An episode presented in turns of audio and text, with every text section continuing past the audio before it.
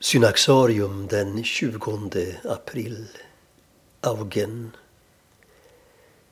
Munkfadern Augen firas idag i den syriska traditionen. Han betraktas som fader till alla munkar i den östliga kristenheten.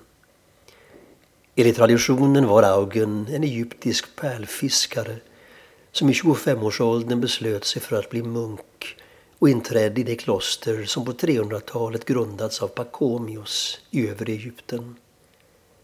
Han hade, berättas det, andliga gåvor och Gud gjorde märkliga under genom honom.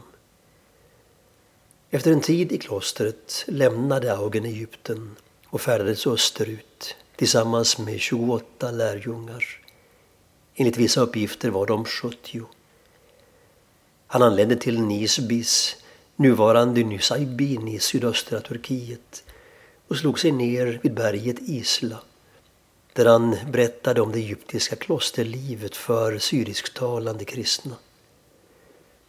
Här växte Efraim, Syrien, upp i generationen efter Augen. Starka historiska belägg bekräftar att det fanns monastiska kommuniteter med ursprung i Egypten i trakten kring Nisbis redan på 300-talet. Klostret vid Islas fot var det första i denna del av kristenheten. Det växte snabbt.